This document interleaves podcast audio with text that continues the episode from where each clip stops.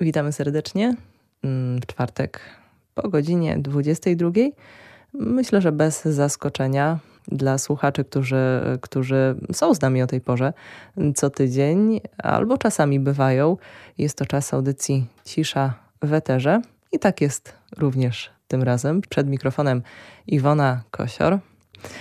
Pomysł na dzisiejszą audycję e, zrodził się trochę e, z przypadku, ale myślę, że mm, każda inspiracja jest warta wykorzystania. I, I tak e, właśnie będzie tym razem. Dlaczego z przypadku? Dzisiejszy pomysł na dzisiejszą rozmowę podsunął mi facebookowy algorytm, który jakiś czas temu podpowiedział mi, e, wyświetlił jako reklamę pewien e, sklep internetowy. Sklep, który bardzo mocno mnie zaintrygował, bo przyznam szczerze, że sama z tego typu przekazem, jeśli chodzi o wykorzystanie elementów, motywów religijnych, można tak powiedzieć, w sztuce użytkowej, tak żeby jakoś Państwu e, to nakreślić, bo rozumiem, że może wydawać się trochę ciężka ta rozmowa, jeśli będziemy mm, przynajmniej przez pierwszą godzinę audycji mówić e, o pracach, które należałoby najpierw zobaczyć, żeby móc mieć jakieś wyobrażenie. Więc mam nadzieję, że staniemy na wysokości zadania i, e, i nakreślimy dobrze, na tyle dobrze e, charakter tych prac, e, żeby Państwo wiedzieli, o czym rozmawiamy, a jeśli nie, to zachęcam już teraz, żeby chwycić za telefon albo może usiąść do e, komputera i wpisać w wyszukiwarkę internetową hasło Her Holiness. Her Holiness, czyli jej świątobliwość można tak to zwolna przetłumaczyć na język polski, to jest nazwa marki, mm, możemy to nazwać w ten sposób, mm, pod którą tworzy Sylwia Grześkiewicz. Witam serdecznie.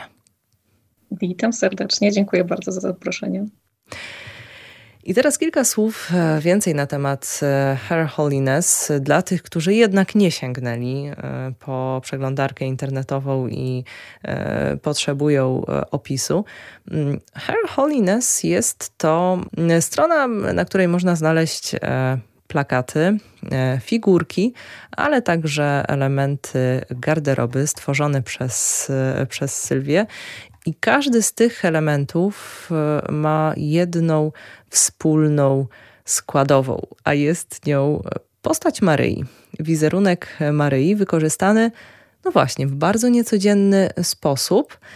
Dla mnie zaskakujący, świeży, ale myślę, że mm, może takie wykorzystanie Maryi nie przemówić do osób bardzo mocno zakorzenionych w tradycji, do, do, do tradycjonalistów i, i, osób, które mm, patrzą na, mm, na temat, na, na jakby zjawisko wykorzystania e, elementów sakralnych i postaci sakralnych, postaci biblijnych w takiej sztuce użytkowej.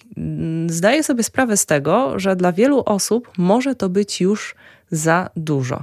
I dlatego pomyślałam, że dobrym pomysłem byłoby zaprosić e, Sylwię Grześkiewicz do rozmowy, mm, żeby sama opowiedziała skąd czerpie inspirację, skąd taki sposób na e, przedstawienie Maryi, co przez to wszystko e, chciałaby powiedzieć swoim odbiorcom i przy okazji chciałabym ja osobiście wykorzystać tę właśnie rozmowę do tego, żeby porozmawiać ogólnie o wykorzystywaniu symboli religijnych w sztuce, trochę o sztuce sakralnej, o tym, jak ona się zmieniała i jak ją odbieramy dzisiaj. Ale o tym e, dopiero w drugiej części audycji. Na razie skupmy się na marce Her Holiness. Ja już e, kończę w tym momencie mój trochę przydługi wywód dzisiaj e, i przechodzę już do pierwszego e, pytania. Na początek, żeby trochę też przedstawić siebie, mm, powiedz Sylwio, mm, czym ogólnie się zajmujesz i jakie miejsce w życiu zajmuje dla ciebie tworzenie, proces twórczy, e, sztuka. Czy to jest coś, e, z czym jesteś związana zawodowo, czy to jest bardziej hobby? Nie, zupełnie nie jestem związana zawodowo. E, jakby z wykształcenia jestem psychologiem klinicznym, ale niestety to mhm. też póki co pozostaje tylko w ramach mojej pasji, jakichś takich zajęć, no chyba pozazawodowych, tak można je nazwać. I wcześniej pracowałam jeszcze przed pandemią, pracowałam w agencji reklamowej, więc jakby to, to tak zupełnie w innym kierunku niż to, co robię teraz. E, a obecnie e, zajmuję się właśnie Hair Holiness i, i w tym się rozwijam. Może trochę banalne pytanie w takim razie na początek. Aha. Niektórzy nie lubią tego pytania i czasami też to pytanie świadczy o braku kompetencji dziennikarza, ale ja zaryzykuję. Skąd pomysł mhm. na, na Maryję i na stworzenie Her Holiness?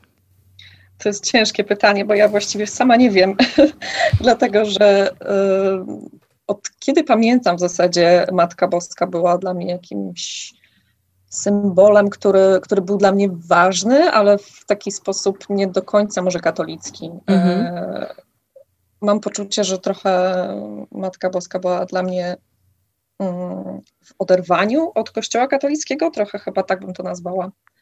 E, I kocham, absolutnie kocham przydrożne kapliczki e, z Matką Boską. Uważam, że to jest po prostu piękny, ludowy zwyczaj i kocham je po prostu, więc jakby zaczęło się chyba od tego. Robiłam dużo zdjęć kapliczką, które tylko napotkałam. tak, więc, więc od tego się zaczęło i później jakoś zaczęłam też kolekcjonować różne figurki i, e, i inne dewocjonalia.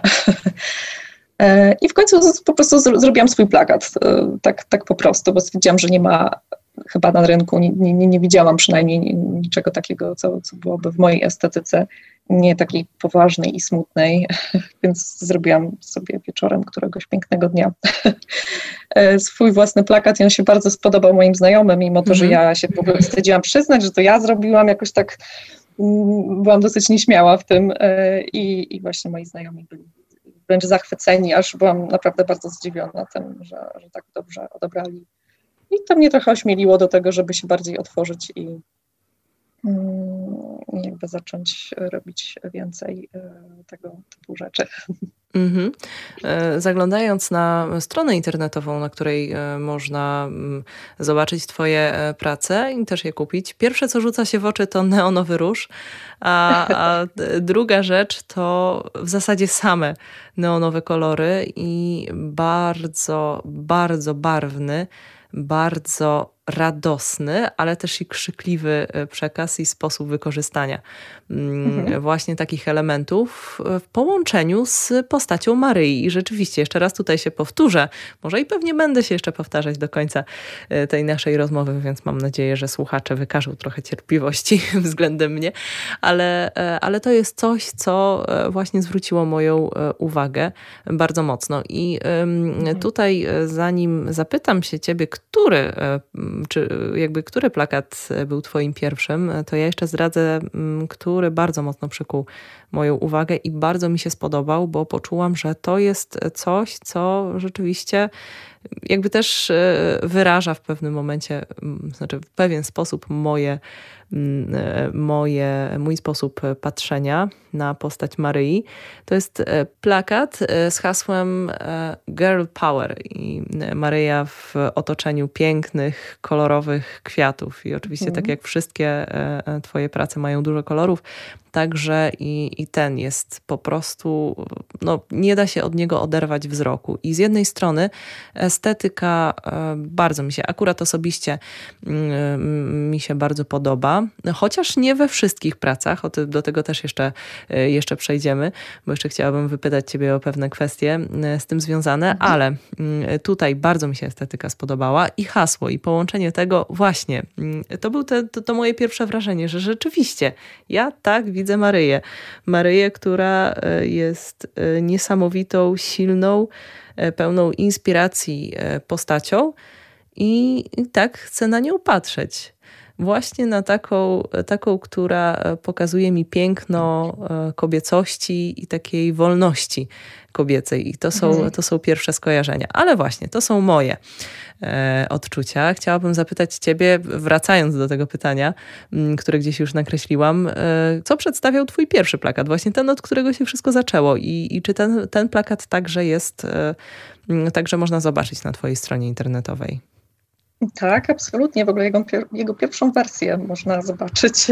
Mhm. To jest Love Yourself First. Mhm. To, to był pierwszy, pierwszy plakat. Mhm. E, ale też chciałabym powiedzieć, że bardzo się cieszę z tego, że, e, że też tak widzisz Maryję jako, jako kobietę silną i, i taką wolną, bo myślę, że to jest dosyć rzadkie spostrzeżenie i jakby rzadkie postrzeganie, może tak, mhm. tej postaci. I właśnie ja troszeczkę chciałabym to zmienić, dlatego że myślę, że postać Maryi to jest chyba najbardziej znana kobieta, jakby generalnie chyba wszyscy ją znają, tak, i, e, i wiedzą, kim jest, tak, raczej nie ma chyba, chyba takiej osoby, która e, zobaczyłaby na przykład obraz albo figurę i nie wiedziałaby, e, kto to jest. I, mm, no i właśnie, i ta kobieta jest często smutna mhm. i taka mm, no, bardzo przygnębiona, tak? I ja rozumiem, z czego to wynika, e, jakby z, e, ale mimo wszystko jakoś mam poczucie, że fajnie by było jednak ten wizerunek trochę odczarować z, z takiego e, z tego przygnębienia właśnie i dodać troszeczkę kolorów i nieco jakby uwypuklić nieco inne cechy niż tylko to cierpienie i, i ten ból po stracie, tak? Więc, więc tak, tak, takie było moje założenie też. Mhm. W takim razie jeszcze e, chciałabym mm, zatrzymać się chwilę przy, przy pierwszym e, plakacie, mm, mhm. o którym wspominałaś, ten, który zapoczątkował e, Her Holiness. Skąd akurat takie hasło? Love yourself first, czyli jakby w pierwszej kolejności kochaj siebie. Co mhm. chciałaś przez to przekazać? Ja jestem pełna przekonania, że gdyby każdy człowiek chociaż troszeczkę bardziej kochał samego siebie, to żylibyśmy w lepszym świecie, zdecydowanie lepszym, bo bardzo dużo, um, banalnie mówiąc, zła, mam mm. wrażenie, że bierze się z tego, że jesteśmy tacy trochę nieukochani. -hmm. Dlatego to jest, uważam, bardzo, bardzo ważne hasło. Mhm. Właśnie też jestem, dlaczego, dlaczego o to pytam? Bo w zasadzie bardzo dużo e, takich pytań pojawiało mi się mm, gdzieś tam w głowie, przeglądając e, Twoją twórczość. Bardzo byłam ciekawa, jak ty to interpretujesz i co miałaś na myśli i czy mhm. moje odczucia e, będą się z tym pokrywać. Jeśli chodzi o to konkretne hasło, mm, to z jednej strony, e, no właśnie, było ono dla mnie trochę kłopotliwe mm, i nie, w zasadzie nawet nie tyle e, dla mnie, co dla osób, z którymi rozmawiałam też o twoich, o twoich pracach mhm. i na przykład słyszałam, że no to jest takie no nadużycie, czy tutaj za duży egoizm się nie przebija przez to hasło. No nie wiem, czy Maryja by coś takiego powiedziała powiedziała, ale Aha. z drugiej strony ja sobie myślę, że rzeczywiście zależy, jak interpretujemy miłość własną do samego siebie. Jeżeli myślimy o tym jako o, o egocentryzmie i skupianiu się wyłącznie na sobie i stawianiu siebie w centrum um, wszystkiego, całego uniwersum dookoła nas tak. i podporządkowywaniu innych e, i uczuć innych osób do nas samych, rzeczywiście to jest niezdrowe e, podejście. To jest tak naprawdę przejaw narcyzmu. Ale z drugiej mhm. strony, jedno z przykazań miłości mówi: kochaj bliźniego e, swego jak siebie samego. I to jest bardzo ważna rzecz. Jezus wskazuje na to, że no, trzeba kochać również siebie, żeby móc kochać innych. I, i tak wchodząc bardziej w nauczanie Kościoła i, i, i w to, w co wierzą mm, chrześcijanie, a przynajmniej powinni wierzyć i powinni zdawać sobie e, z tego sprawę, mm, to to, że brak miłości do siebie, brak szacunku do siebie, e, patrzenie na siebie cały czas jako na osobę gorszą od innych, taką, która nie zasługuje na uwagę, nie zasługuje na czas, która zadowala się byle jakością, która zawsze stawia siebie na końcu, to nie jest wcale e, pokora albo e, jakaś, jakiś heroizm, którego się od nas wymaga, tylko to jest właśnie brak miłości do samego siebie. A jeżeli wierzymy w to, że jesteśmy stworzeni na obraz i podobieństwo Boga, jeżeli osoby, które, e, które są osobami, osobami wierzącymi, powinny mieć też takie przekonanie, że są świątynią Boga, świątynią Ducha Świętego, więc jeżeli nie kochamy siebie samych, to też nie kochamy tego Boga, który w nas jest.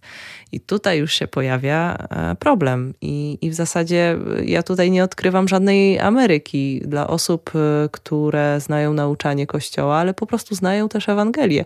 Pismo Święte e, to jest jedna z takich głównych nauk, więc tutaj w ten sposób bardzo przemawia do mnie to hasło. Mm. Mhm. No a powiedz mi jeszcze w takim razie, jakie rzeczy najbardziej cię, oprócz tego, że Maryja jest przedstawiana jako osoba y, smutna, y, bardzo często cierpiąca, y, zatroskana, bardzo często w sztuce, no bo to też jest, jest element jej historii i jej tożsamości, ale tak jak rozmawiamy, nie tylko. E, z postaci mhm. Maryi można bardzo wiele e, wyciągnąć. E, co ciebie oprócz tego też może mierzi, może coś, z czym się nie zgadzasz? Jaką Maryję ty widzisz? Jakbyś mogła ją jeszcze bardziej scharakteryzować, opisać coś może, o czym jeszcze tutaj nie powiedziałyśmy? Mhm. To znaczy, na pewno e, nie do końca widzę Maryję jako mm, jako taką pokorną kobietę wobec wszelkich e, męskich decyzji e, i mam, e, mam taką chęć, żeby troszeczkę jakby nadać jej takiej odwagi w tym wizerunku, stąd te kolory i estetyka, która w pierwszym momencie może w ogóle jakby nie pasować, gryźć się wręcz z jej, z jej wizerunkiem. Często też na przykład maluje paznokcie mhm. Maryi i dodaje takich atrybutów y, kobiecych, powiedzmy. Czasem poprawiam trochę makijaż. Y, I nie dlatego, że uważam, że to jest jakieś super ważne w, w kobiecości, tak, ale po prostu chciałabym, żeby była trochę bardziej współczesna, może bardziej przemawiająca, i jeszcze jedno pytanie, bardzo ważne, którego nie zadałam wcześniej, ale myślę, że jeszcze nie jest za późno o to zapytać. E, mam mhm. nadzieję, że nie będzie ono zbyt osobiste, e, takie e, zbyt osobiste dla ciebie. Jeśli tak, nie martw się, nie musisz na nie odpowiadać, ale jaki jest twój stosunek do wiary? Czy, czy jesteś osobą wierzącą? Czy mm, wierzysz w to, że Maryja rzeczywiście istnieje? Czy traktujesz ją wyłącznie jako postać gdzieś występującą w kulturze, może postać historyczną? Zdecydowanie e, postrzegam ją jako e, postać występującą w kulturze, może postać historyczną. E, I chociaż ja sama jestem niewierząca, to jestem wychowana w wierze katolickiej i jestem mhm. z domu bardzo katolickiego. I może też dlatego jakby ta wiara we mnie w ten sposób zakiełkowała, e, że jakiś mam w sobie bunt, sprzeciw wobec, wobec tego, e, jak ten wizerunek e, się nam przedstawia, bo u mnie w domu jakby było bardzo dużo tych symboli i generalnie jakby często chodziłam do kościoła i jako dziecko trochę tego nie rozumiałam trochę się bałam, jakieś takie budziło to we mnie emocje raczej mało przyjemne.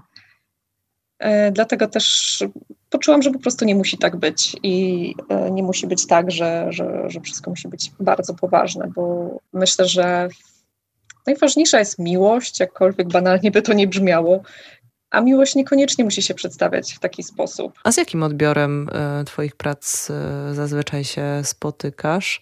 E, czy miewasz czasem może do czynienia mm, z krytyką i zwracaniem uwagi na to, że e, wypaczasz wizerunek Maryi?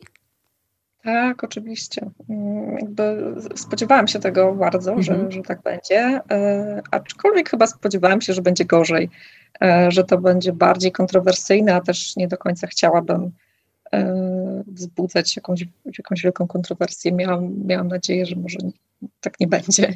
Mhm. Tak, tak, oczywiście zdarzają się krytyczne głosy i czasem wręcz niecenzuralne y, komentarze, mm, ale też bardzo często osoby wierzące piszą do mnie e, z prośbą o wyjaśnienie, dlaczego ja mhm. przedstawiam e, wizerunek Maryi w ten sposób. E, I kiedy wytłumaczę już wszystko, bo oczywiście nie da się odpowiedzieć w jednym zdaniu, więc zawsze staram się jakoś w miarę szeroko odpowiedzieć na to pytanie, mm, to okazuje się, że wszystko jest ok dla tej osoby.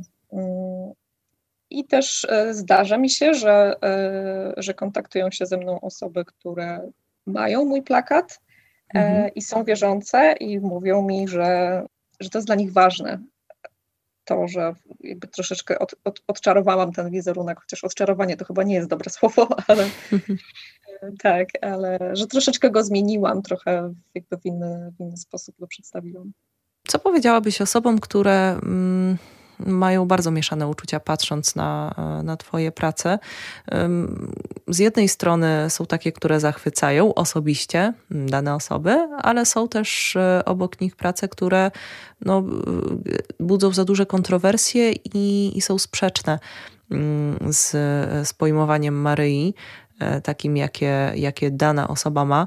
Mm, czy jest to dla ciebie problem? Czy wolisz, żeby traktować Twoje prace jako całość, jako jeden wielki przekaz, e, czy może wręcz przeciwnie? Jeżeli, jeżeli komuś e, odpowiada to konkretne hasło, ten, ten dany plakat, to bardzo dobrze. Jeżeli nie zgadza się z innym, no to też nie ma żadnego problemu.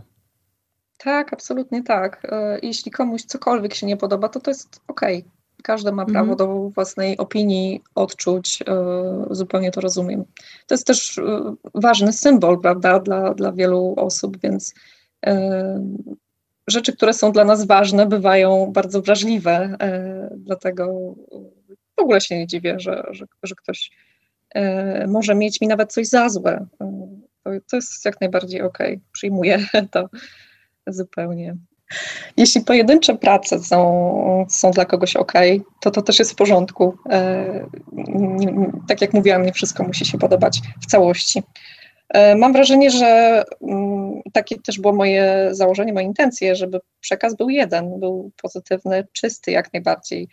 E, też nie, no, nie ukrywam, że nie przypadam za tym, jeśli dopisuje mi się jakieś intencje, których ja absolutnie nie miałam staram się, żeby przekaz był po prostu pozytywny. A czy e, spotkałaś się może z takim argumentem, że mm, skoro jesteś osobą niewierzącą, e, która traktuje Maryję wyłącznie jako mm, postać historyczną bądź ikonę kultury, mhm. Mm, to nie masz prawa wykorzystywać jej do tworzenia, do, do jakby też budowania jej wizerunku?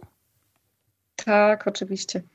Spotkałam się z, z, takim argumentem, ale zupełnie się nie zgadzam, dlatego że Matka Boska jest wszędzie tak naprawdę i ja nie uważam, żeby to był symbol wyłącznie katolików. Um, jakby rozumiem, że, że to jest dla nich ważne y, i staram się to szanować jak najbardziej y, mogę i potrafię.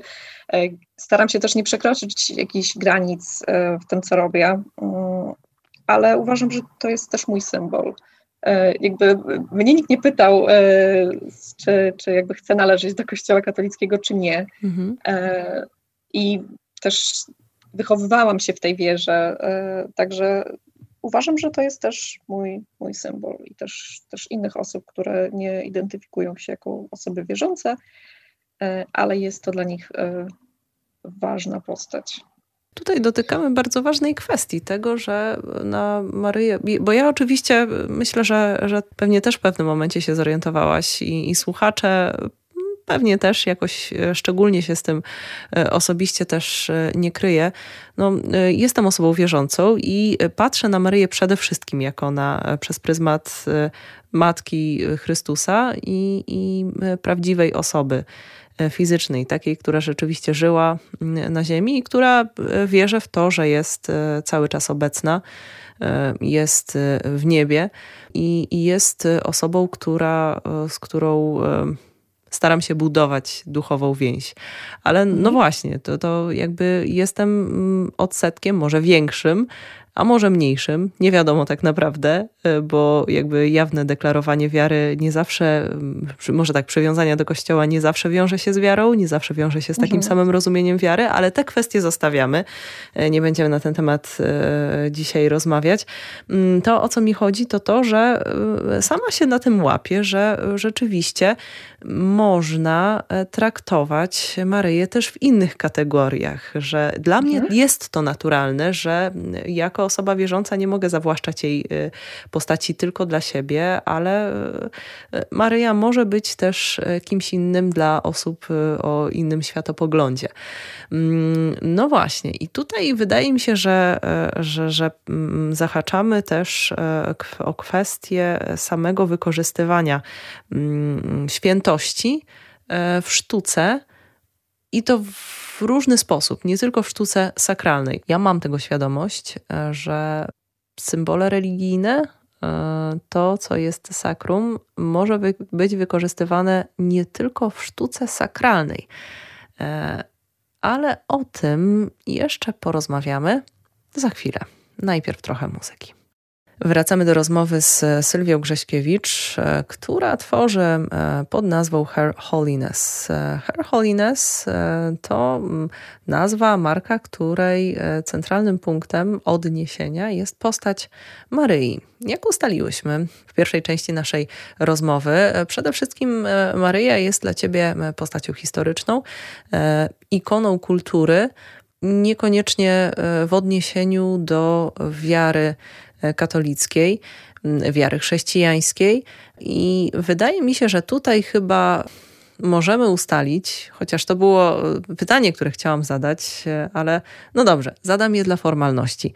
Czy traktujesz swoją sztukę, e, swoją twórczość jako sztukę sakralną, czy jednak to jest za duże nadużycie?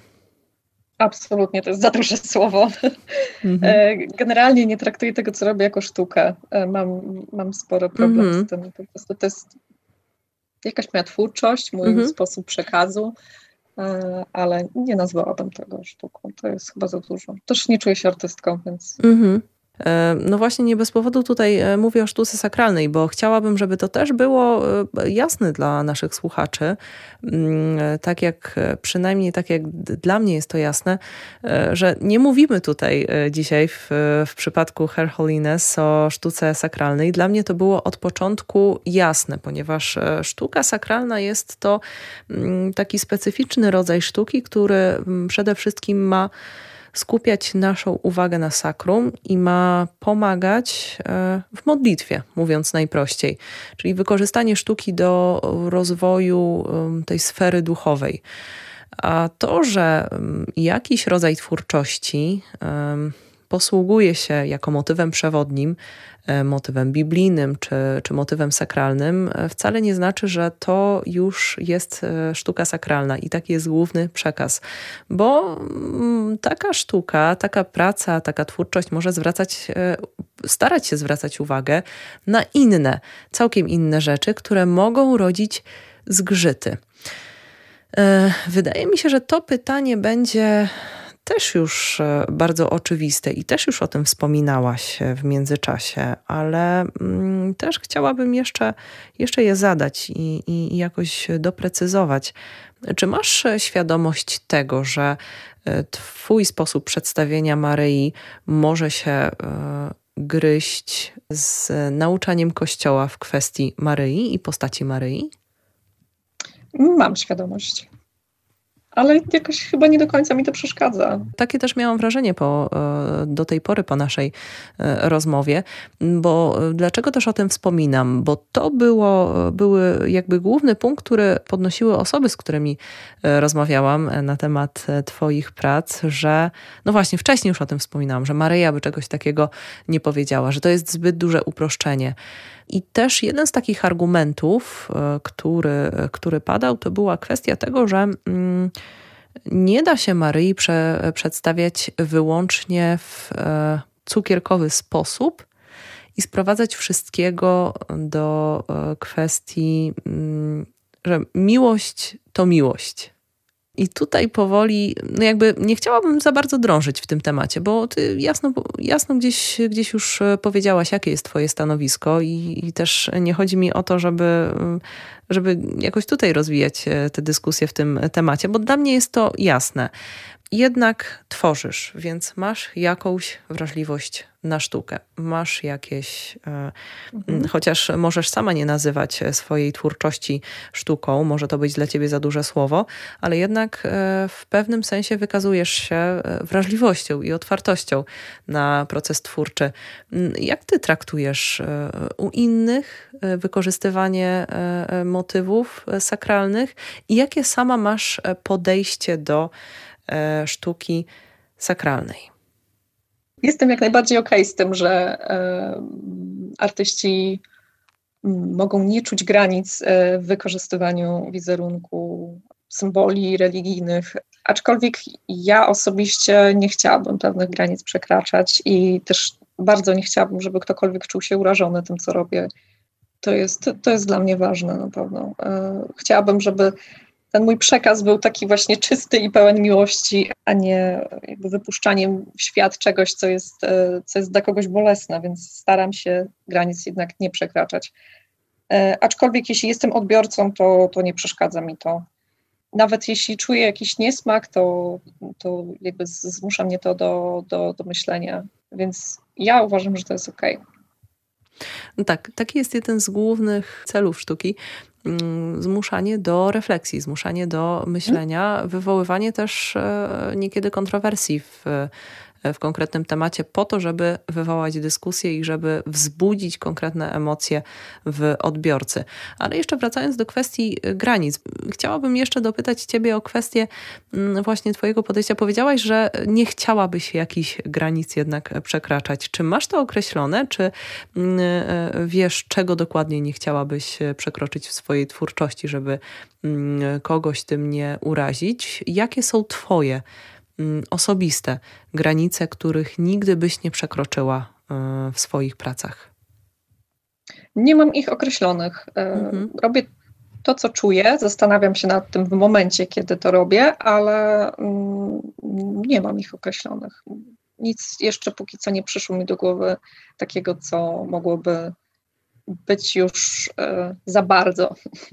Powiem szczerze, tak z mojej e, jakby perspektywy i z mojego obrazu, e, mojego e, odbioru twoich, twoich prac, mam nadzieję, że nie obrazisz się za wyrażanie mojej opinii i tego, co sądzę na, na ten temat. Mhm. Bardzo mam mieszane uczucia do przedstawienia Maryi je na jednym z plakatów. Z jednej strony w zasadzie to jest plakat, o którym, o którym tutaj już wspominałyśmy, że samo hasło, w zasadzie skupiłyśmy się na samym haśle, czyli Love mhm. Yourself e, First. Mm, to było dla mnie, tak jak mówiłam, ja to hasło rozumiem bardzo e, w taki pozytywny sposób i ono osobiście mi się podoba mm, ale e, to, co, co wzbudziło moje, jakby moje zastrzeżenia, to wykorzystanie jakby elementu grzybków, które sugerują że są to grzybki, przynajmniej kojarzą się z, e, no, z grzybkami halucynogennymi. I, i to mhm. gdzieś już poczułam, że no, to jest e, coś, na co ja osobiście e, sama, mm, no nie, nie do końca to do mnie przemawia i gdzieś przeszkadza mi to w odbiorze samego hasła. No ale właśnie, no jakby to jest moja opinia. W naszej rozmowie w kuluarach też wypłynął pewien temat. Zwróciłaś na bardzo ciekawą kwestię, e, uwagę i, i chciałabym to wykorzystać e, i zadać Ci to pytanie, żeby słuchacze też mogli e, o tym usłyszeć. Czy są jakieś pra prace, które, których już byś nie powtórzyła? Mm, tak, jest, jest jedna taka praca. Znaczy, nie wiem, czy, czy bym jej nie powtórzyła, bo jakby dla mnie ona jest ok, ale no właśnie mam poczucie, że może nie być dobrze odbierana i yy, no i nie chciałabym tego po prostu. Mm -hmm. I to mhm. jest plakat z hasłem Thank God It's Friday. Mm -hmm. I mam wrażenie, że trochę niefortunnie wyszedł e, po prostu jakby wizerunek Matki Boskiej Bolesnej z tym, mm -hmm. z tym hasłem rozumiem, że może kogoś urazić, także mhm. jakoś już nie do końca ze mną rezonuje w, w, w, tym momencie, jako coś, co chciałabym dać światu szerzej. A czy słyszałaś e, krytyczne opinie na temat tego plakatu Thank God It's Friday? Właśnie nie. Co zaskakujące chyba, e, mnie najbardziej zaskakujące.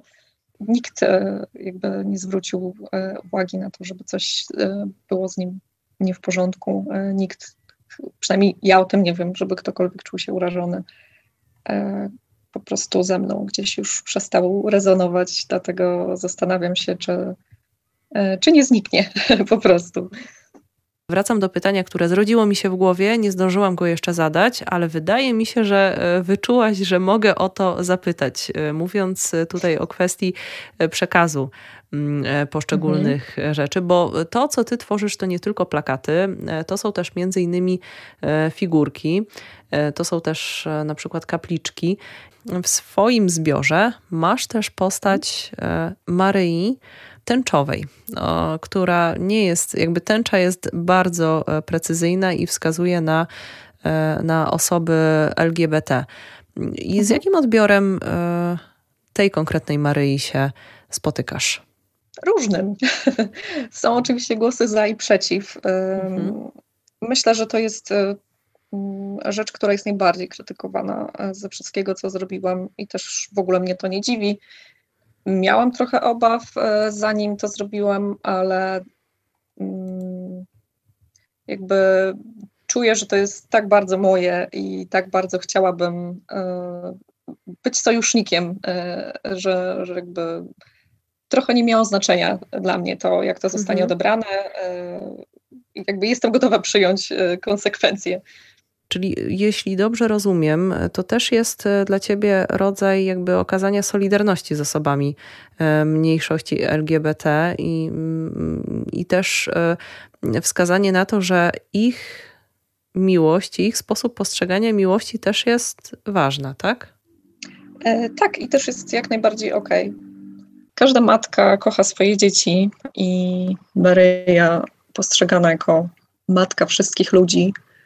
Myślę, że to nie byłoby obraźliwe dla niej samej, żeby okazywać swoją, swoją miłość i też trochę może brać w obronę osoby e, z, z mniejszości po prostu. A czy spotkałaś się może z takimi głosami? Dostawałaś komentarze, na przykład podziękowania od osób y, LGBT, które są też osobami wierzącymi? Tak, absolutnie. Bardzo dużo tego było i jest to dla mnie strasznie miłe, e, bo jakby też nie bardzo chciałabym wchodzić głębiej w ten temat, ale mhm. sytuacja w Polsce teraz jest bardzo, bardzo nieciekawa i jest mi z tym okropnie źle, e, więc e, z racji tego, że nie do końca wiem, co mogłabym jeszcze zrobić, to, to, to fajnie, że mogłam w ten sposób pomóc, okazać wsparcie chociaż w taki sposób. Tutaj już e, tej kwestii nie będziemy e, rozwijać e, szerzej, ale tak zastanawiam się, bo powoli już będziemy kończyć naszą rozmowę. Czas mhm. pierwszej godziny audycji dobiega końca. Tak po prostu podsumowując, jakie jest, jeszcze raz, jakie jest Twoje przesłanie i co chcesz powiedzieć odbiorcom swoich dzieł? To też ciężko zawrzeć w jednym zdaniu. Myślę, że właśnie w zasadzie wszystko, co chciałabym przekazać, jest, y, y, jest zawarte już na, na, na plakatach. Może chciałabym powiedzieć, że, że to, co robię, powinno być odbierane jako, jako kicz religijny. Tak, myślę, że, że w tych kategoriach ja bym siebie sama umieściła, także ta estetyka, która, mhm. która towarzyszy Matce Boskiej, nie, nie, żeby nie brać tego może zbyt poważnie w ogóle pe pewna rzecz, która, o którą, którą mi teraz uświadomiłaś, e, która przyszła mi do głowy, ale gdzieś o niej zapomniałam w trakcie e, przygotowywania się do naszej rozmowy, to było jedno z moich pierwszych skojarzeń też, mhm. że właśnie od razu zobaczyłam te wszystkie różne barwne e, figurki plastikowe, maryjki e, gdzieś obecne na straganach przy okazji odpustów, czy chociażby e, jakby wykorzystywanie Maryi w, może tak, Maryję, którą można spotkać też na straganach w Ameryce Łacińskiej. Myślę, że Ale właśnie, Meksyk to też moja inspiracja. No właśnie. Nie, zda, nie zdajemy sobie sprawy z tego, jak też Maryja jest przedstawiana chociażby właśnie w Ameryce Łacińskiej. Myślę, że nie jeden, e, nie jedna osoba, która ma tradycyjne podejście do, e, do wykorzystywania wizerunku Maryi, mogłaby się e, bardzo mocno zdziwić, jak bardzo gdzieś kultury latynoamerykańskie nie mają problemu z, z takim właśnie kiczowatym wykorzystywaniem Maryi, ale to też jest sposób przekazu, który przemawia do konkretnych osób, więc wydaje mi się, mhm. że to jest chyba taka puenta, że mm, jeżeli jeżeli nie traktujemy tego jako przede wszystkim sztukę sakralną, to y, tutaj jakby tolerancja jest szersza i, i, myślę, że ty jako, jako osoba, która e, prezentuje publicznie to, co tworzy, no jesteś, jesteś przygotowana na to, że komuś może się to e, po prostu zwyczajnie nie podobać. A czy spotkałaś się może z zarzutami e, o, o obrazę uczuć religijnych w twoich pracach? Nie, póki co nie. Jeśli ktoś czuje się urażony, zwykle pisze do mnie e, wiadomość prywatną i rozmawiamy. I ta rozmowa nigdy nie toczy się w jakiś nieprzyjemny sposób, mam wrażenie. Rozumiem. A to są głosy, mhm. o których wiem, oczywiście. Mhm.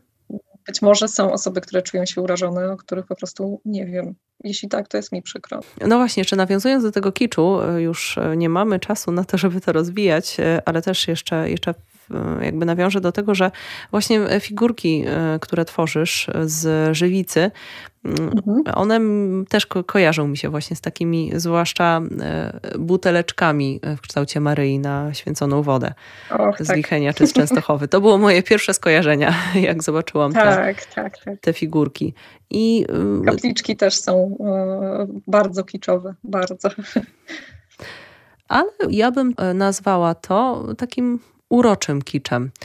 Chociaż też e, oczywiście nie każda Maryja e, jest, e, no właśnie, w mojej osobistej estetyce nie każda mi odpowiada, ta, którą, którą ty przedstawiasz, którą tworzysz, ale no w zasadzie sprowadzamy teraz to wszystko znowu do tego, od czego zaczęliśmy, że no, jakby twórczość, estetyka, sztuka to są rzeczy, o których no, mówi się, że o gustach się nie dyskutuje. Mm, czasami warto, ale tutaj e, jakby nie, nie, chcę, nie chcę właśnie tego poruszać. Mm, to, co jest moją, jakby moją osobistą puentą z naszej rozmowy i e, co byłoby takim moim marzeniem, jeżeli ktoś z naszych słuchaczy mm, zaintrygowany, jak wyglądają te prace, jak wygląda wykorzystanie Maryi w e, twórczości pod nazwą Her Holiness, jeżeli ktoś zajrzy na stronę internetową i sprawdzi te prace, i wzbudzi to w nim emocje i przemyślenia, czy pozytywne, czy negatywne, to myślę, że to już będzie e, sukces, bo takie było moje i jest w dalszym ciągu, bo jeszcze audycja trwa, takie jest moje założenie, żeby zacząć rozmawiać o tym, jak ta Maryja wygląda i dlaczego tak, a nie inaczej, i czy przeszkadza mhm. mi to, czy nie. A jeśli mi to przeszkadza, to dlaczego? Zachęcam do wykonania takiego e, ćwiczenia trochę mentalnego. Na to będzie teraz chwila czasu, ponieważ e, niebawem serwis informacyjny do audycji e, wracamy po godzinie 23, a tymczasem pora pożegnać się z moim pierwszym gościem, a była nim Sylwia Grześkiewicz, tworząca pod, pod hasłem Her Holiness. Dziękuję Ci bardzo serdecznie za rozmowę. Ja również dziękuję. A my słyszymy się po 23. Witamy serdecznie po godzinie 23. W dalszym ciągu w audycji Cisza w Eterze, którą dzisiaj realizuje Piotr Wierzchoń, a przed mikrofonem Iwona Kosior. Dzisiaj rozmawiamy o wykorzystywaniu postaci e, sakralnych, symboli religijnych w szeroko rozumianej sztuce. Mm, w pierwszej części audycji, w pierwszej godzinie, mogli Państwo mm, posłuchać rozmowy z Sylwią Grześkiewicz, e, która tworzy pod e, hasłem Her Holiness e, i która podzieliła się swoim spostrzeżeniem swoim wyobrażeniem Maryi, swoimi inspiracjami. I myślę, że mam nadzieję, że sprowokowała Państwa do kolejnych pytań na temat tego, jak odbieramy sztukę, jak odbieramy sztukę sakralną i jak odbieramy wykorzystywanie motywów, sak motywów sakralnych w szeroko pojętej sztuce i jak daleko artysta może się posunąć. O tym postaramy się mm, teraz porozmawiać z moim drugim gościem, e, którym jest e, historyk sztuki, doktor habilitowana Aneta Kramiszewska z Katolickiego Uniwersytetu Lubelskiego. Witam serdecznie. Dobry wieczór Państwu. Mm, zanim e, porozmawiamy o sztuce ogólnie, myślę, że mm, warto na początek naszej rozmowy troszeczkę zawęzić e, tematykę i skupić się na samej sztuce sakralnej. Tak jak ustaliłam w rozmowie z Sylwią Grześkiewicz, przypominając, mm, ona swojej sztuki nie określa mianem sztuki sakralnej. W zasadzie nawet e, stara się nie używać w odniesieniu do swoich prac określenia e, sztuka, więc mam nadzieję, że to jest, to jest dla nas jasne, ale skoro mówimy o wykorzystywaniu chociażby obrazu Maryi w, w pracach, które tworzone są współcześnie, warto zastanowić się nad tym, czym jest w takim razie sztuka sakralna. I od tego tematu, od tego pytania zacznijmy naszą rozmowę. Najpierw usystematyzujmy, czym jest sztuka sakralna i jaką rolę spełnia. To usystematyzowanie jest bardzo ważne, bo panuje tutaj spore zamieszanie. Pod y, definicją sztuki sakralnej skrywają się bardzo różne treści i bardzo różne treści można usłyszeć i przeczytać. Żeby to wyjaśnić najprościej i najbardziej przekonująco, e, trzeba by e, zwrócić się do jednego z najważniejszych dokumentów Kościoła, a więc do Konstytucji o liturgii Soboru Watykańskiego II, która ukazała się w 1963 roku. I e, w tekście tejże e, konstytucji poświęcono osobny rozdział, rozdział siódmy, e, sztuce kościelnej. Mowa tam wprost o tym, że rozróżniamy sztukę religijną i jej szczyt którym jest sztuka kościelna. Tak to mhm. przetłumaczono e, w, na język polski, ale to, co się ukrywa tutaj pod mianem e, sztuki kościelnej, można e, nazwać także sztuką sakralną. A więc intuicja jest taka, że sztuka o tematyce religijnej to jest wstęp, kategoria traktowana szerzej, swobodniej, też zobowiązujące artystów, ale sztuka kościelna, czyli sakralna, mhm. to jest pójście głębiej, dalej. E, to jest zaciągnięcie zobowiązania, które pociąga za sobą bardzo konkretne konsekwencje. E, czym jest ta sztuka sakralna w rozumieniu e, Konstytucji Soborowej? Stawia się przed nią bardzo konkretne zadanie. Ona ma służyć zbudowaniu wiernych, pobożności i pouczeniu wiernych. Mhm. Te trzy kluczowe mm, zadania, które stoją przed e, sztuką sakralną, już nie religijną, a właśnie sakralną, e, definiują właściwie całe 2000 lat sztuki e, sakralnej, bo są pewnym podsumowaniem myśli, która w Kościele nie narodziła się w czasach e, w XX wieku w trakcie obrad Soboru Watykańskiego II, ale wykształciła się w toku bardzo długiego procesu i którą właściwie konsekwentnie tę intuicję możemy w sztuce sakralnej e, wieków przeszłych odnaleźć. Ona ma służyć I to mhm. powoduje bardzo konkretne konsekwencje, bo przede wszystkim jest to służba liturgii. W związku z tym właśnie zaciąga pewne zobowiązania i w stosunku do wiernych, i w stosunku do wspólnoty Kościoła. Potem ma oddziaływać na wolę, czyli służyć zbudowaniu wiernych, jak to mhm. określiła Konstytucja Soborowa, e, i ma też służyć celom nauczania, czyli pouczać wiernych działać na rozum. Ma być swoistym narzędziem katechezy. I gdy y, popatrzymy na te y, współcześnie zdefiniowane cele sztuki sakralnej, mhm. no to w zasadzie możemy je zastosować do czasów przeszłych y, niemal bez modyfikacji. Ale konstytucja mówi też o jednej ważnej rzeczy, którą warto podkreślić, bo mhm. jeśli sztuka sakralna jest tak ważna, to konstytucja na drugim biegunie dowartościowała także artystę. I to o tym warto wspomnieć, bo e, umyka to jakby e, powszech, e, powszechnej świadomości, że konstytucja mówi i wspomina o tym, że akt twórczy, dzieło artysty jest swoistym naśladowaniem sakralnego aktu stwórczego Boga. Mhm. Tak, nikt nigdy o artyście nie pisał w dokumentach e, kościoła. E, nikt e, nie, do tej pory nie dowartościował artysty w ten sposób, porównując jego, no sami artyści tak mm. o sobie w ten sposób pisali i w świecie świeckim jak najbardziej uważano ich czasami za bogów.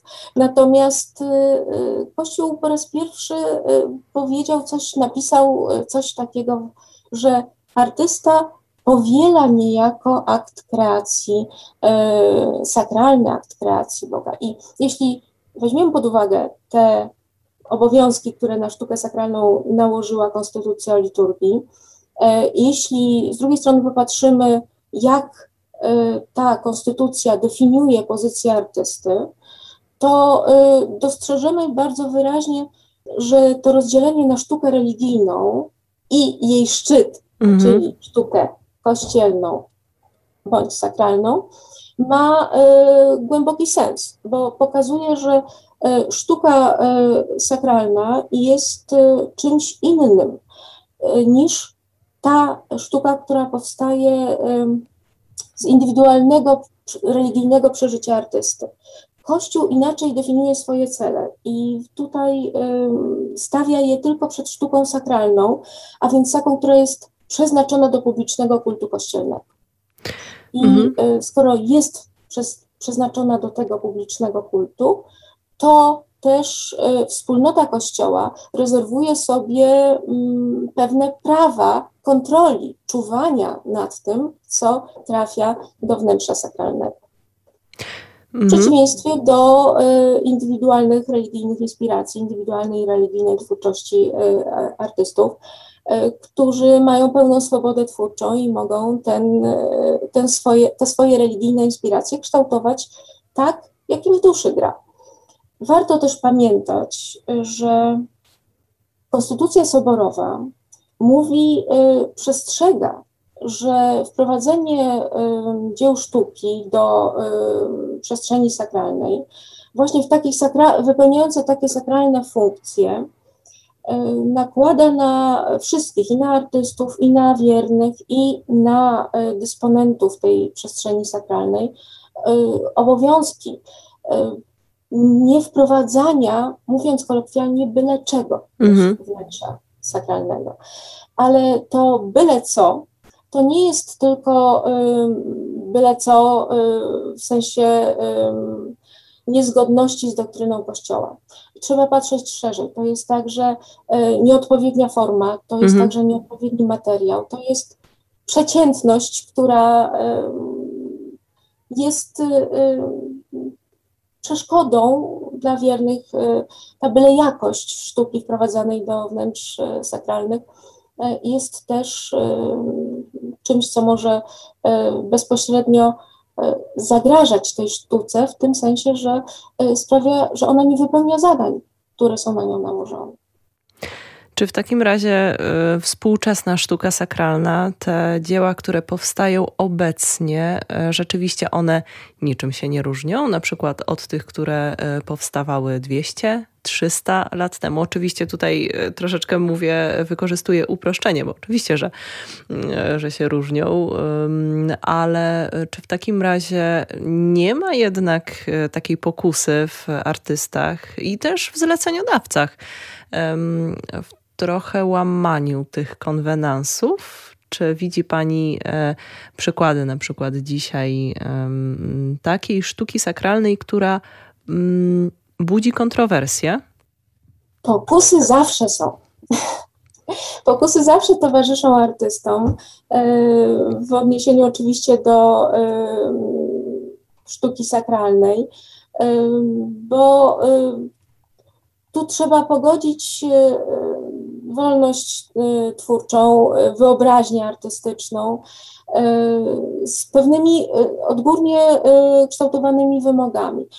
I rzeczywiście sztuka sakralna, podlegając tym ograniczeniom, obostrzeniom, nałożonym na nią, na nią oczekiwaniom, jest dla artystów wyzwaniem, bo trzeba e, być wiernym sobie, swojej e, wizji artystycznej i jednocześnie rozumieć, że rozumieć tę swoją służebność mhm. w stosunku do wspólnoty, e, w stosunku do obiektu sakralnego, rozumieć, że sztuka, którą się wprowadza do wnętrza, będzie służyła czasami przez lata, a może i przez wieki, kolejnym wspólnotom wiernych, którzy będą modlili się i e, uczestniczyli w liturgii w tej właśnie przestrzeni. Innymi słowy, e, powinno artystom towarzyszyć jednak, e, powinno towarzyszyć poczucie odpowiedzialności za tę przestrzeń, którą kształtują. Mm. Ale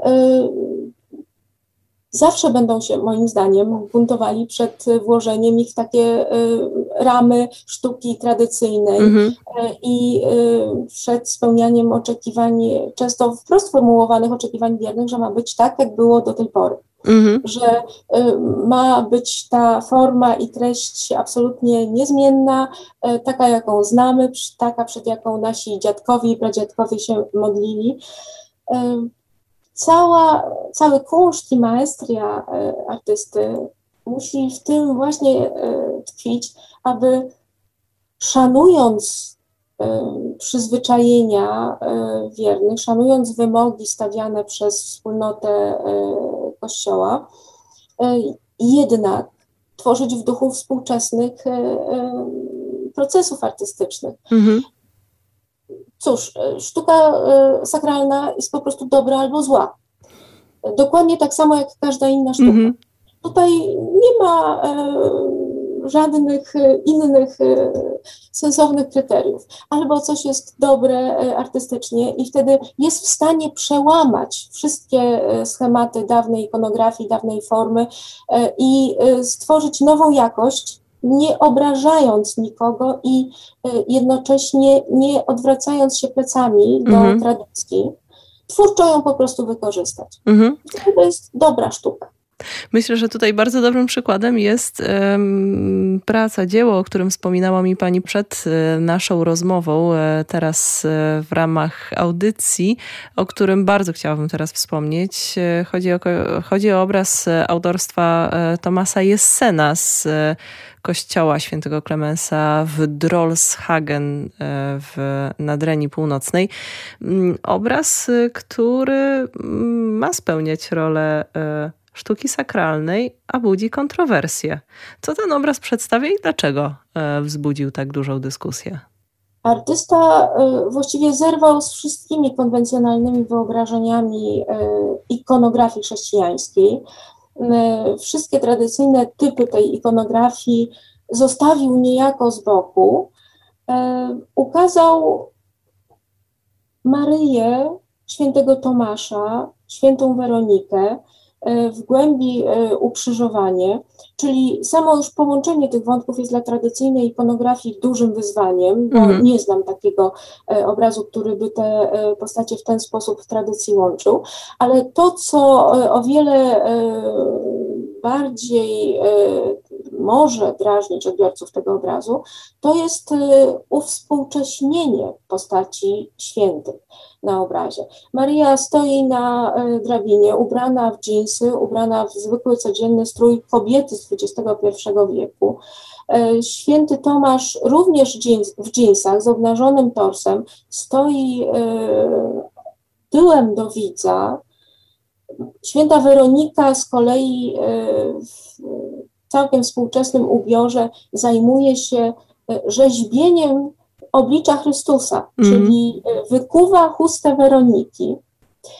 E, wszystkie te postacie są wzięte z ulicy, wzięte z życia codziennego i przetransponowane do dzieła o charakterze sakralnym. Ono trafiło do wnętrza sakralnego, ono mm stanęło w nastawie ołtarzowej, e, a więc e, powinno wypełniać te wszystkie zobowiązania, o których mówiłam wyżej, które są przed sztuką sakralną stawiane.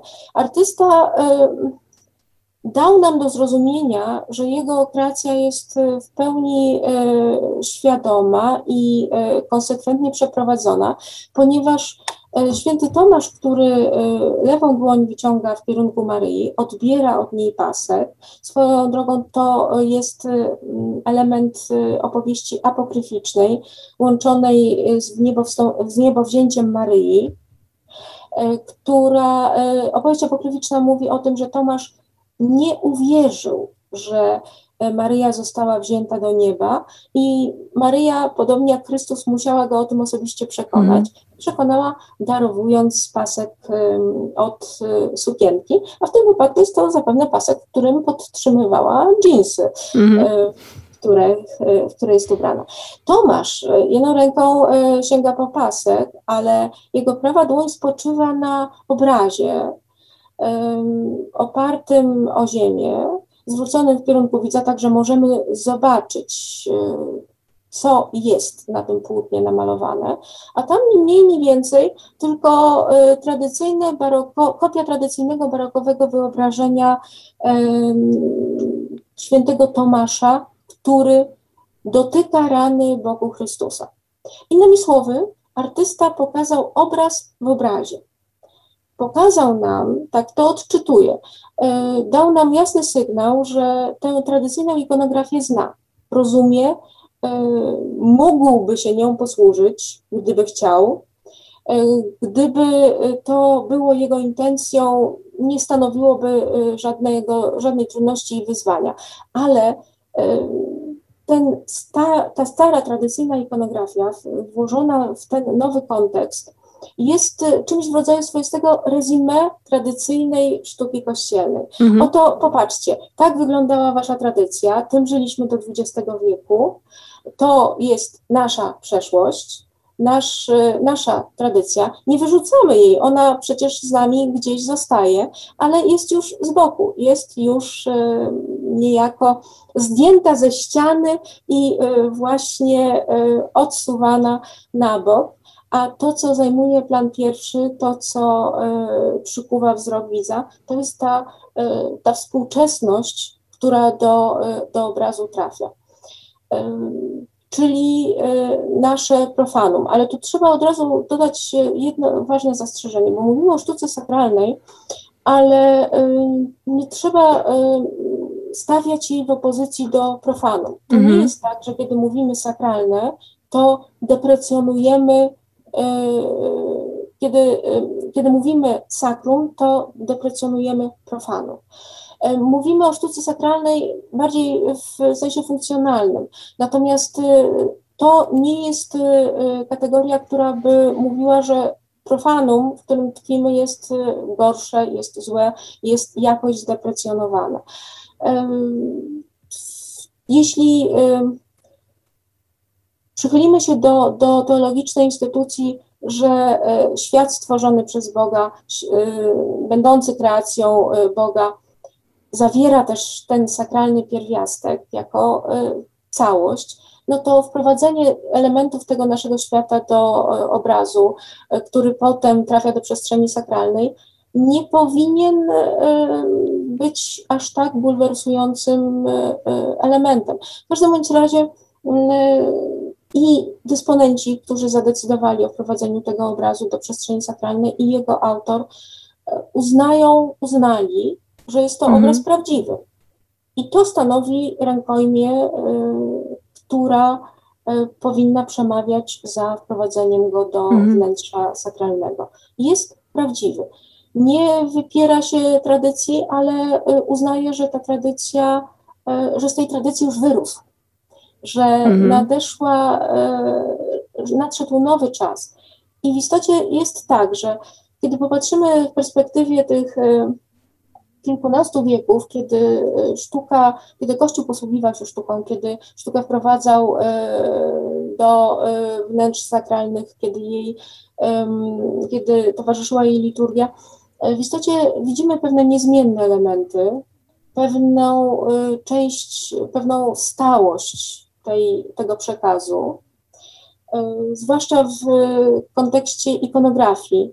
Są takie typy ikonograficzne, które właściwie w niezmienionej formie przetrwały kilkanaście wieków, mhm. ale e, z drugiej strony są też takie, które na przestrzeni tych kilkunastu wieków dopiero się wykształcały. Potrzeba było setek lat, aby one dojrzały wraz z teologiczną spekulacją, e, która była ich ideową podbudową. I tutaj w, tej, e, w tym trwaniu sztuki kościelnej widać e, sztuki e, sakralnej, widać i pewną stałość, niezmienność, pewien element, który, o, który, o którego trwałość dbano i zabiegano.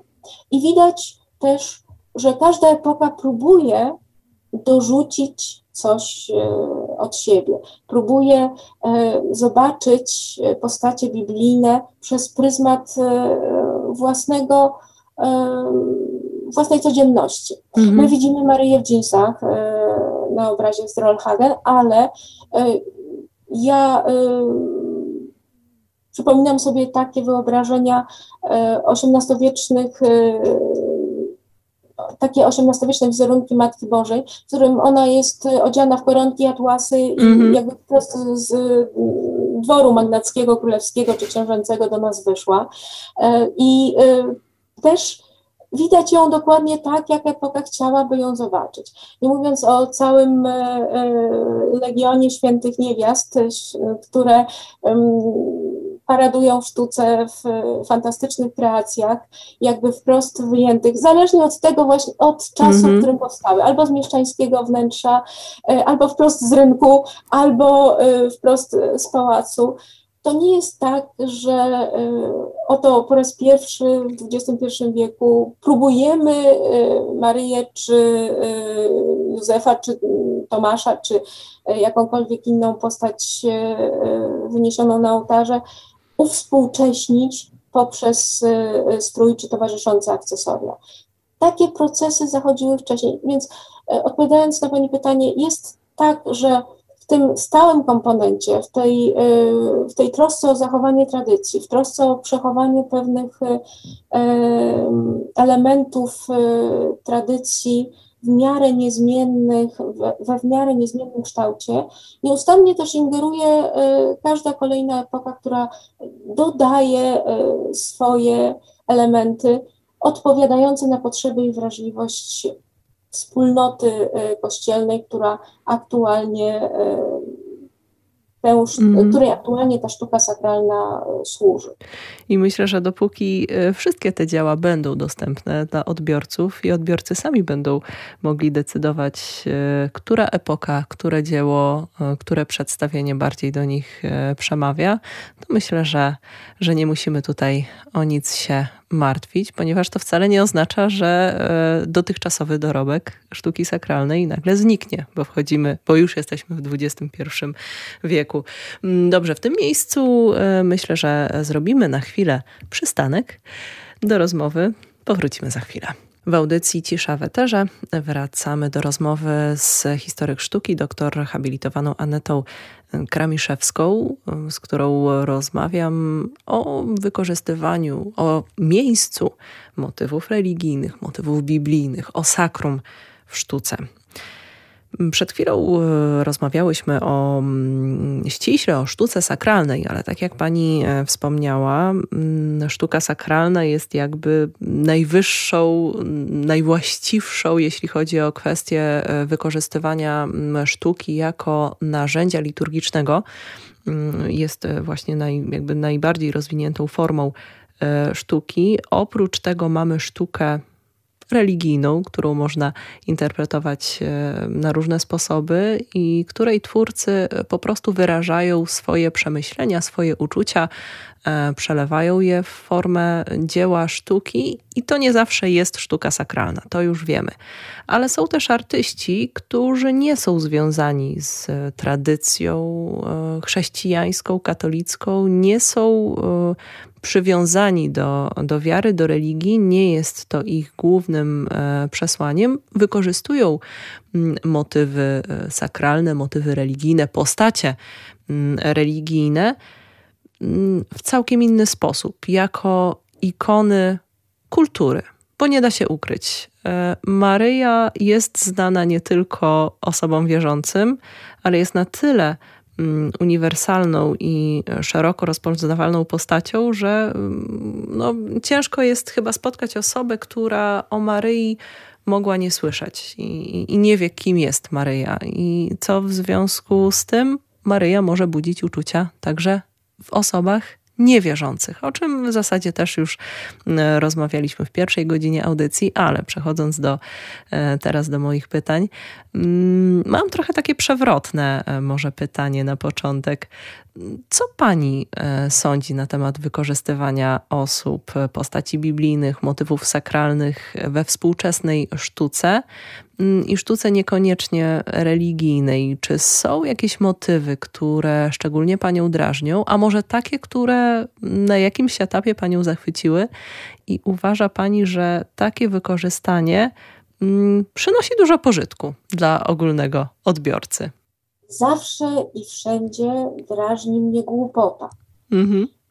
To jest y, y, jedyna rzecz, która mnie odstręcza na, na wyjście od y, takiego właśnie użycia tradycyjnej ikonografii, kiedy wyziera za, za tym jedynie bezdenna głupota, rzeczywiście to mnie drażni. To jest w stanie wzburzyć krew. Natomiast, jak rozumiem, e, bardziej Pani pytanie e, skierowane jest do. Dotyczy kontrowersji, prowokacji, mhm. dotyczy mhm. skandalów, skandali artystycznych i, i tego typu zjawisk z udziałem tematyki mhm. religijnej. Trzeba jasno powiedzieć, że Wyrośliśmy w kulturze, y, w której sztuka religijna stanowi y, fundament. No, nie sposób przed tym y, uciec i rzeczywiście nawet ludzie deklarujący się jako niewierzący, agnostycy, ateiści albo spokłóceni z Kościołem tak czy inaczej, mają takie doświadczenia, często wprost z domu wyniesione, gdzie, w których obraz religijny spełniał jakieś funkcje. To mógł być obraz powieszony na ścianie, to mógł być medalik naszej babci czy dziadka, to mógł być e, różaniec w jej ręku i tak dalej. E, więc e, trzeba mieć świadomość, że my jesteśmy, czy chcemy, czy nie chcemy, bardzo głęboko zanurzeni w świat tej kultury y, religijnej, której przejawem będzie także sztuka y, religijna, sztuka sakralna, y, ale także różne utensylia, które wykorzystuje się w różnych formułach pobożności. W związku z tym nie sposób odciąć się od takiej tradycji, znaczy udać, że się jej nie, nie zna, nie widziało, nie słyszało o niej i mhm. nie ma się z nią wiele do czynienia.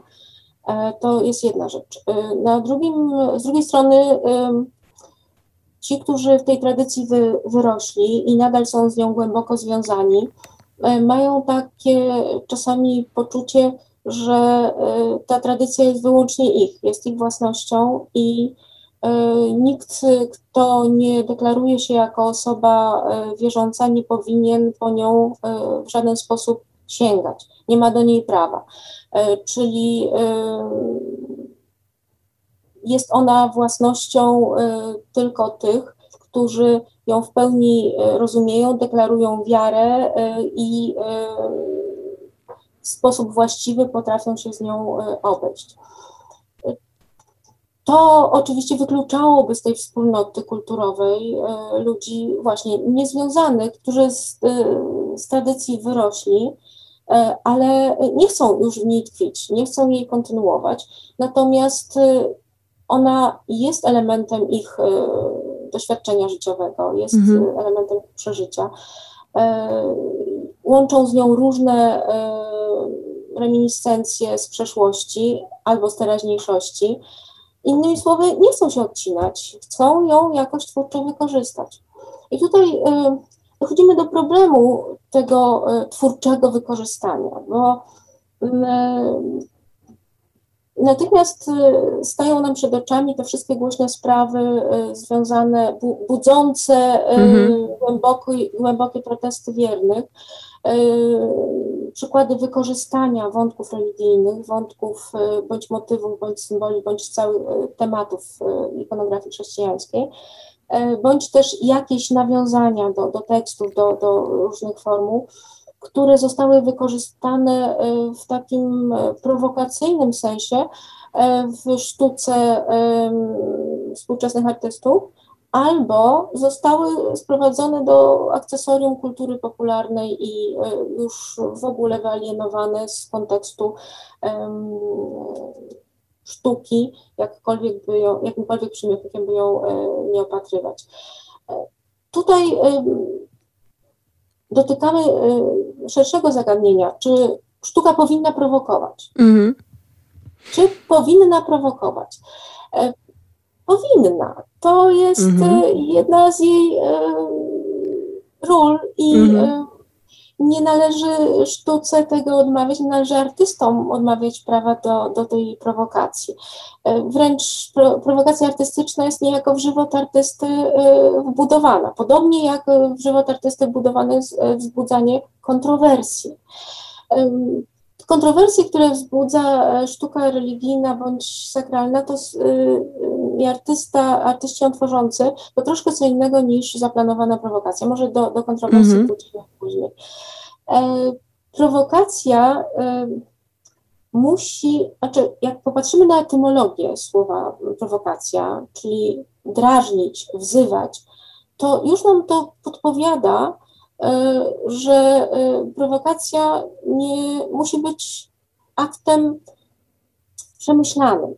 E, ona będzie owocna, będzie skuteczna, musi mieć jakiś zamierzony cel, a potem -hmm. przemyślane środki do osiągnięcia tego celu. I ona będzie skuteczna wtedy, kiedy będzie można w nią zaangażować dwie strony bo to nie jest tak, że artysta zostaje z tym sam i y, prowokuje, nie wiem, na środku pustyni. Mhm. E, on musi mieć partnera, musi mieć kogoś, y, drugą stronę, y, która jest również w tę prowokację zaangażowana.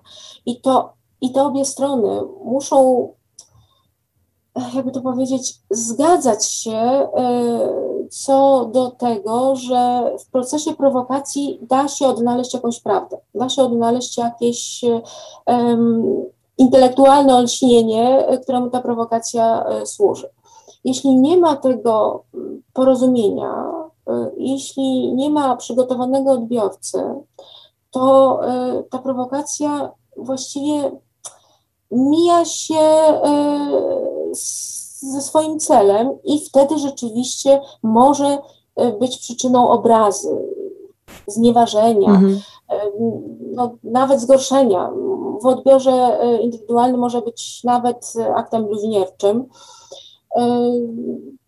Tutaj właśnie trzeba zważyć jedną rzecz, że jeśli artysta zakłada, jeśli to jest świadome działanie, nie kontrowersja, która wynikła niejako obok i bez mhm. intencji artysty, ale jeśli jest to świadome działanie, które ma do czegoś widza sprowokować, e, to artysta zakłada, że on podejmie to działanie bardzo agresywnie, e, że on zaatakuje tego odbiorcę, zaatakuje jego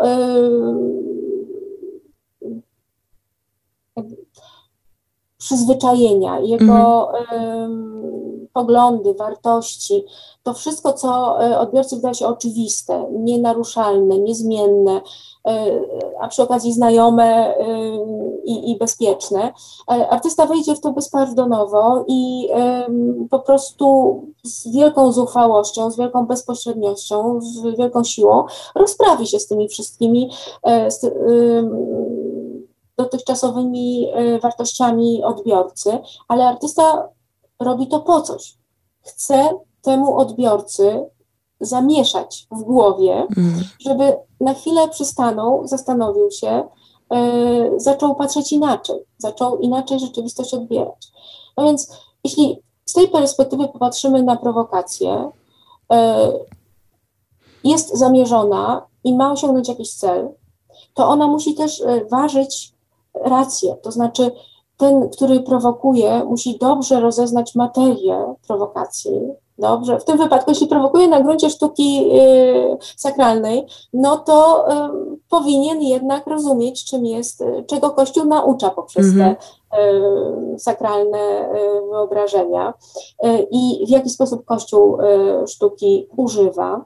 Powinien to właściwie rozeznać i powinien też e, rozeznać tego, który, którego chce sprowokować, do którego ta prowokacja się odnosi. Mhm.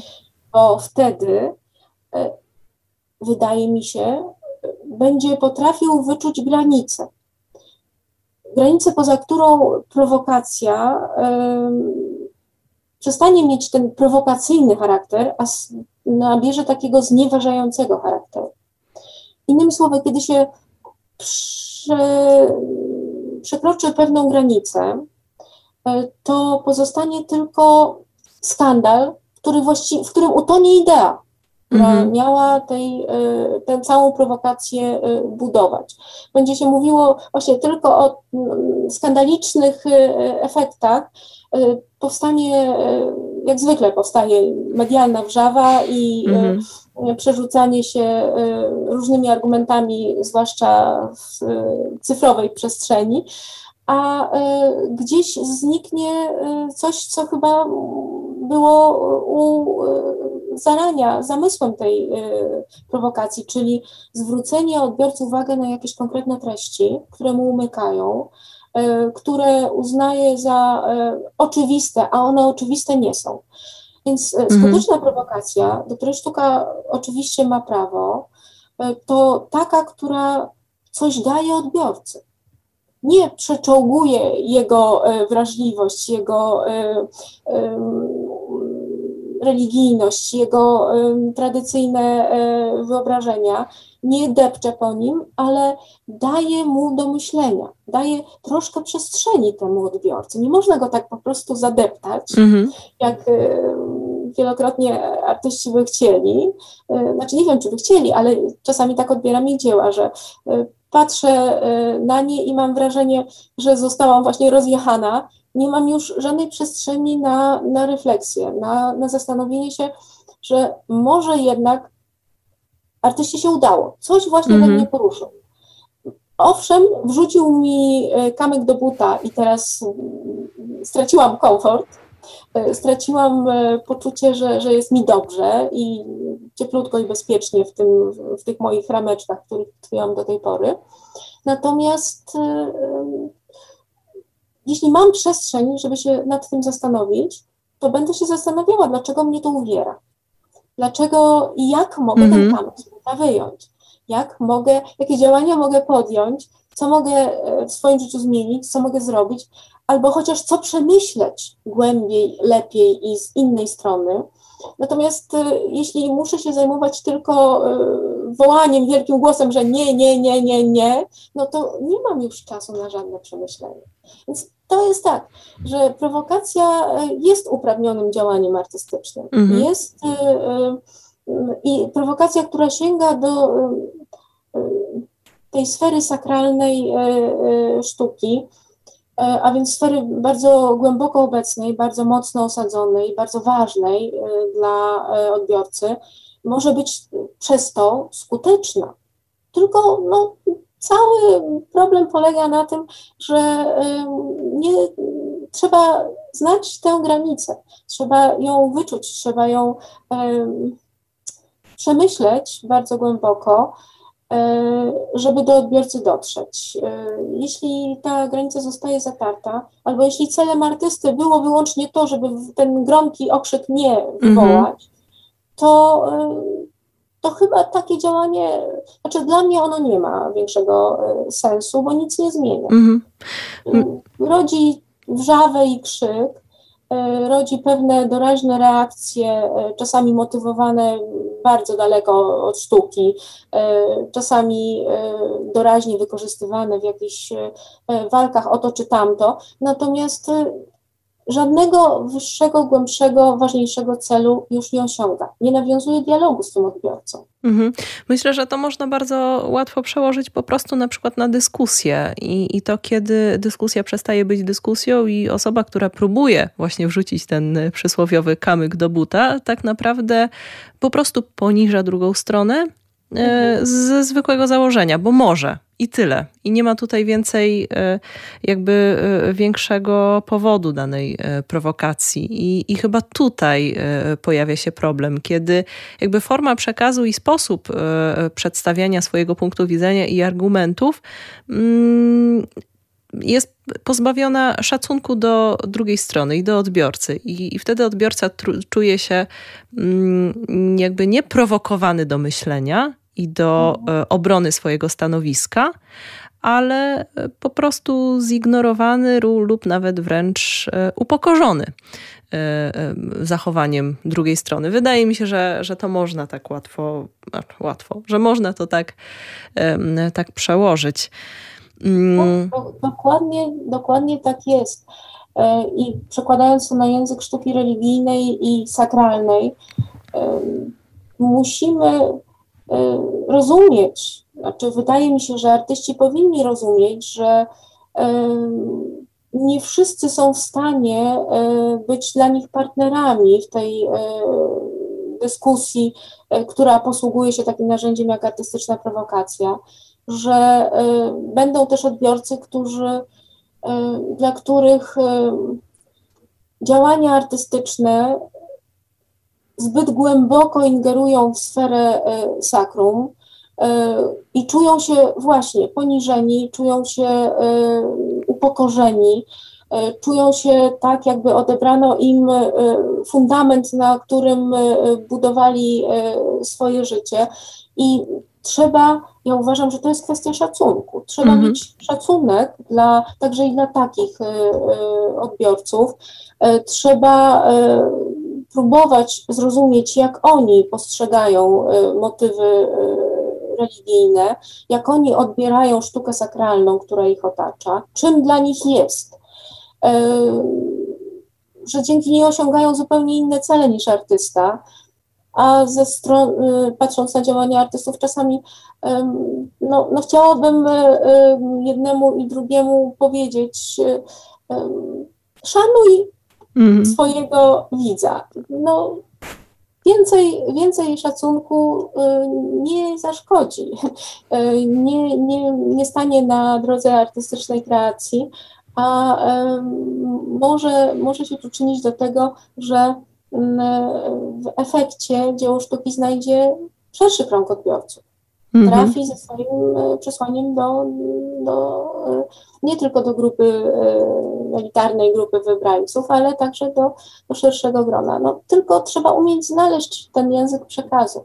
I tutaj potykamy się o, o indywidualną wrażliwość odbiorcy. Mhm Potykamy się też o to, że generalnie My już ze szkoły wynosimy marną edukację plastyczną, e, marną e, edukację w sferze e, odbioru sztuki.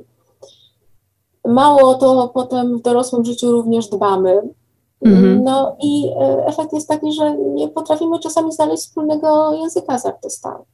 A jeśli dodatkowo w tle jest jeszcze religia, jest jeszcze, są jeszcze nasze religijne doświadczenia, jest e, to, co jest tak bardzo ważną sferą dla wielu ludzi. E, no tutaj nakładają się różne plany, nakładają się różne elementy i z tego powstaje czasami wybuchowa mieszanina. Myślę, że tymi, tą konkluzją możemy zakończyć naszą rozmowę. W zasadzie też nawet musimy, ponieważ czas audycji dobiega końca i, i, i, nie mamy już miejsca na dodatkowe pytania, chociaż jest mi trochę, trochę szkoda, bo miałam nadzieję, że jeszcze zahaczymy chociażby o temat Matki Bożej e, bokserskiej, e, czyli, czyli też ostatnio dosyć medialnego e, przypadku obrazu Maryi, przedstawienia Maryi z rękawicami bokserskimi, ale to zostawiamy może na inną dyskusję. Tak myślę sobie, że dla mnie osobiście taka, takie podsumowanie tej, tej rozmowy i, i też poprzedniej rozmowy w dzisiejszej audycji jest takie, że po prostu życzę Państwu jak najwięcej e, reakcji na sztukę, jak najwięcej obcowania ze sztuką, e, także ze sztuką sakralną, religijną, ale też tą, która po prostu wykorzystuje mm, nasze religijne tradycje w trochę inny sposób. I życzę Państwu jak najwięcej przemyśleń i owocnych reakcji na obcowanie z taką sztuką. Prowokacja nie jest czymś złym, prowokacja jest potrzebna. E, kontrowersje wokół e, obrazów, wokół dzieł rodzące się także mogą mieć pozytywne owoce, efekty i właśnie takich owoców, bez poczucia mm, krzywdy, bez obrażania kogokolwiek, właśnie tego Państwu życzę. Moim gościem była mm, doktor habilitowana Aneta Kramiszewska, historyk sztuki z Katolickiego Uniwersytetu Lubelskiego. Bardzo serdecznie dziękuję za rozmowę. Dziękuję Państwu. A ja już się z Państwem żegnam. Iwona Kosior przed mikrofonem. Dziękuję za wspólnie spędzone dwie godziny. Dzisiaj audycję realizował Piotr Wierzchoń, a w audycji Cisza w Eterze słyszymy się tradycyjnie za tydzień o tej samej porze. Dobrej nocy.